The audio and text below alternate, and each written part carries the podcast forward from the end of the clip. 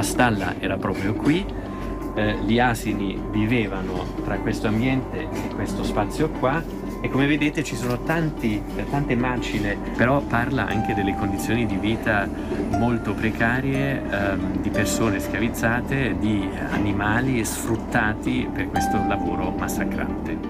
Ja, u hoort een archeoloog in Pompeji die een bijzondere vondst beschrijft, die daar onlangs is gedaan. Een kleine bedompte werkruimte zonder daglicht, afgesloten met tralies, waar mensen in slavernij werden gehouden. De leefomstandigheden van deze mensen moeten uiterst penibel zijn geweest, zo vertelt deze man. En wij vroegen ons af, wat leert deze vondst ons nou over hoe slavernij er eigenlijk uitzag in de beroemde stad Pompeji? En te gast daarover is Koen van Galen, die gespecialiseerd is in slavernijgeschiedenis. Welkom. Bedankt, welkom. Ja, kan je omschrijven, wat hebben ze gevonden in Pompeji? Nou, wat ze gevonden hebben, ze hebben een opgave gedaan in een project wat al bekend was, maar ze zagen daar een ouder huis wat op een gegeven moment verbouwd is. Een deel van het huis is gewoon woonhuis gebleven en een deel van het huis is omgebouwd tot een soort broodfabriek. Het is ook heel rationeel ingericht, maar wat er interessant aan is, is dat hij uh, dat broodbakgedeelte eigenlijk alleen maar via één deurtje bereikbaar is. En mhm. dat er, als er al ramen in zitten, alles met grote tralies afgezet hebben. Zelfs de ramen die naar de binnenplaats van het huis uh, verwijzen. Dus dat is niet bedoeld om inbrekers tegen te houden. Dat is echt bedoeld om mensen binnen te houden. Het is een soort gevangenis, schuinstreep broodfabriek, waarbij zowel mensen als uh, lastdieren uh, eigenlijk opgesloten zaten om zoveel mogelijk brood te produceren. Ja, en wat, wat deden ze dan precies voor werk op die plek? Dat, hoe zag dat eruit? Nou, het is uh, in drie delen verdeeld. Het uh, achterste deel dat is een stal voor de dieren met een opslagplaats. Dan is het midden is een soort plaatsje waar um, graan werd gemalen. Dus dat is een mhm. soort rosmolen. Dus dieren en mensen moesten de hele tijd zorgen dat die molenstenen in beweging bleven. En daarna het voorste deel is de eigenlijke plek van de bakkerij, waar deeg werd gekneed, maar ook waar de grote oven stond, waar brood werd gebakken. Oké. En um, je zegt omdat er, nou ja, door die tralies uh, en dergelijke kunnen uh, weten die archeologen zeker dat het om, uh, om werk gaat wat door mensen die slaven waren is gedaan. Klopt dat? Nou, dat is altijd heel lastig. Uh, slavernij is natuurlijk een juridische status. Dus je kunt het niet aan archeologische vondsten 1, 2, 3 zien. Nee. Maar we kunnen in dit geval wel redelijk zeker weten dat het om mensen in slavernij gaat. Mm -hmm. Ook omdat. Uh, Beschrijvingen van dergelijke bakkerijen kennen we ook uit de klassieke bronnen, waarbij ook staat hoe slecht eigenlijk mensen werden behandeld. Ja. Uh, het fascinerende was ook dat het blijkbaar voor de archeologen zo schokkend was dat mensen in slavernij zo slecht konden worden behandeld in Pompeji. Ja, wat, wat, um, wat weten we daarvan? Van wat voor werk slaven in de Romeinse oudheid deden? In principe alles. Um, wat je ziet is dat in de Romeinse oudheid is slavernij, zeker in de eerste eeuw voor en de eerste eeuw na Christus, heel wijd verbreid. In Italië met name. En je ziet dat mensen op allerlei functies doen. Je hebt mensen die als uh, onderwijzer uh, optreden of als secretaris. Denk aan, aan Tiro, de secretaris van Cicero. Uh, maar ook allerlei dagelijkse werk op landerijen, in landbouw, in mijnen.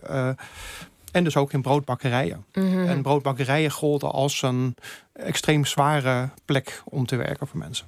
Ja, want ik moet zeggen, ik had er nooit bij stilgestaan. Ik, ik kende inderdaad bijvoorbeeld inderdaad de voorbeelden van uh, Tiro, die, die voor Cicero werkt. Dat soort verhalen. Huisslaven uh, die werken voor de Romeinse elite. Maar ik had er nooit zo bij stilgestaan dat zelfs ja, dus eigenlijk een bakker uh, in, in de oudheid slaven hield. Is, wat zegt dat over hoe wijdverbreid slavernij was? Hoe, hoe, hoe, hoe belangrijk hun rol was, zeg maar zeggen, in al het werk wat werd uitgevoerd door slaven? Nou, de indruk is dat dat heel erg wijdverbreid is. Heel precies kunnen we dat niet duiden. Um, maar we denken dat, dat een, een groot deel van de bevolking in uh, Italië op het Italisch schiereiland in uh, de eerste eeuw voor en na Christus in slavernij was. Dat had ermee te maken dat de Romeinen net zo'n beetje het hele mediterrane gebied hadden overgenomen. Mm -hmm. En een overname de Romeinen betekende altijd dat een groot deel van de bevolking in slavernij werd afgevoerd.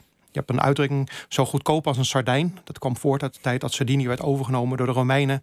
En dat zo'n beetje de hele bevolking naar Rome werd uh, gebracht om verkocht te worden. En uh, dus het gaat om grote hoeveelheden mensen. Mm -hmm. um, en zij um, ja, je ziet ze dus eigenlijk overal, uh, overal terug. Ja, en nu heb jij zowel onderzoek gedaan naar slavernij in de oudheid als naar bijvoorbeeld slavernij in Suriname. Uh, toch misschien de geschiedenis waar, waar de meeste Nederlanders aan zullen denken als je denkt aan slavernij. Ehm, in hoeverre lijken die vormen van slavernij, slavernij nou op elkaar en in hoeverre verschillen ze juist van elkaar? Nou, in, in veel opzichten lijken ze op elkaar. Uh, wat mij altijd opvalt is dat als mensen over slavernij in de Romeinse wereld praten, met name de populaire idee, is toch het idee dat het allemaal wel meevalt. Ja, Romeinen die hadden regels voor mensen in slavernij en, en uh, iedereen blijkbaar kwam vrij, werd gemanumiteerd, noemen we dat, uit slavernij op een gegeven moment. En dat zie je ook in de klassieke bronnen terug. Het, komt, het is niet, komt niet uit de lucht vallen. Maar je mhm. moet bedenken dat wat wij in klassieke teksten hebben uit de oudheid, is bijna allemaal geschreven door slavenhouders.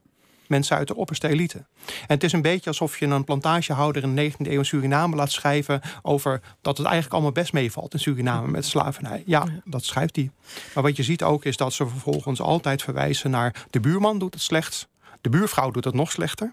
En uh, in Suriname de gekleurde slavenhouder en vooral houdster, dat zijn natuurlijk echt hele nare mensen. Dus ze leggen de schuld van de slavernij en ook van al het misbruik wat slavernij in zich houdt, mm leggen ze buiten zichzelf neer. En kan je daar een voorbeeld dan van geven? Als je dan als historicus dus slim probeert te lezen in de bronnen, zullen maar zeggen. Kan je dan toch aan, aanwijzingen vinden van hoe dat moet zijn geweest om, om slaaf te zijn geweest in de, in Romeinse oudheid? Ja, je kunt uh, er heel veel uithalen. Dit uh, geval van, uh, van die bakkerij, dat kun je heel direct koppelen aan het verhaal van de Gouden Ezel van Apuleius, Apuleius Metamorfose. En dat, dat, is een verhaal van een man die door tovenarij zichzelf verandert in een ezel en zichzelf dan niet terug kan veranderen.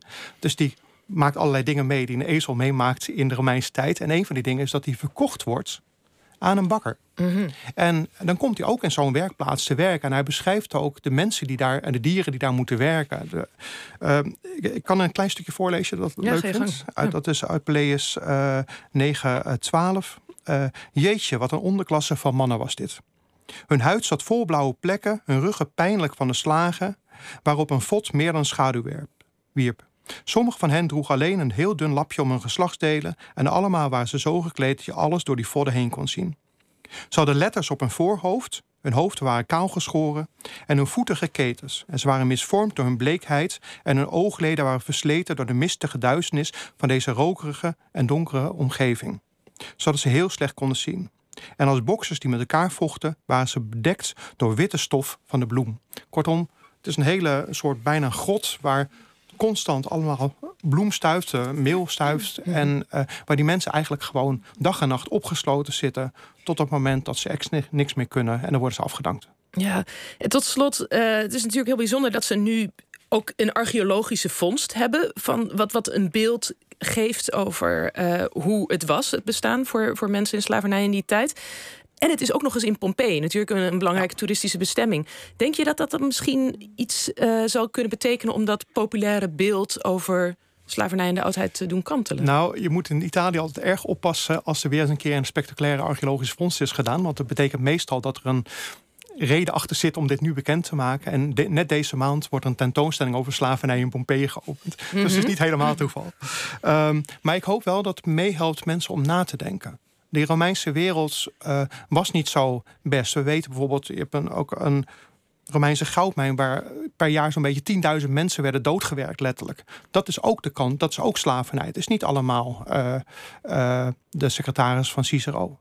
Dus ik hoop dat mensen zich beseffen: slavernij is altijd een vorm van uitbuiting, altijd een vorm van misbruik van mensen. En dan heb ik nog niet eens over alle seksuele misbruik en dingen die daar ook allemaal speelden. Ja. Uh, dus laten we het vooral niet beter maken, die Romeinen. Het zijn net mensen met alle narigheid die er soms ook bij hoort.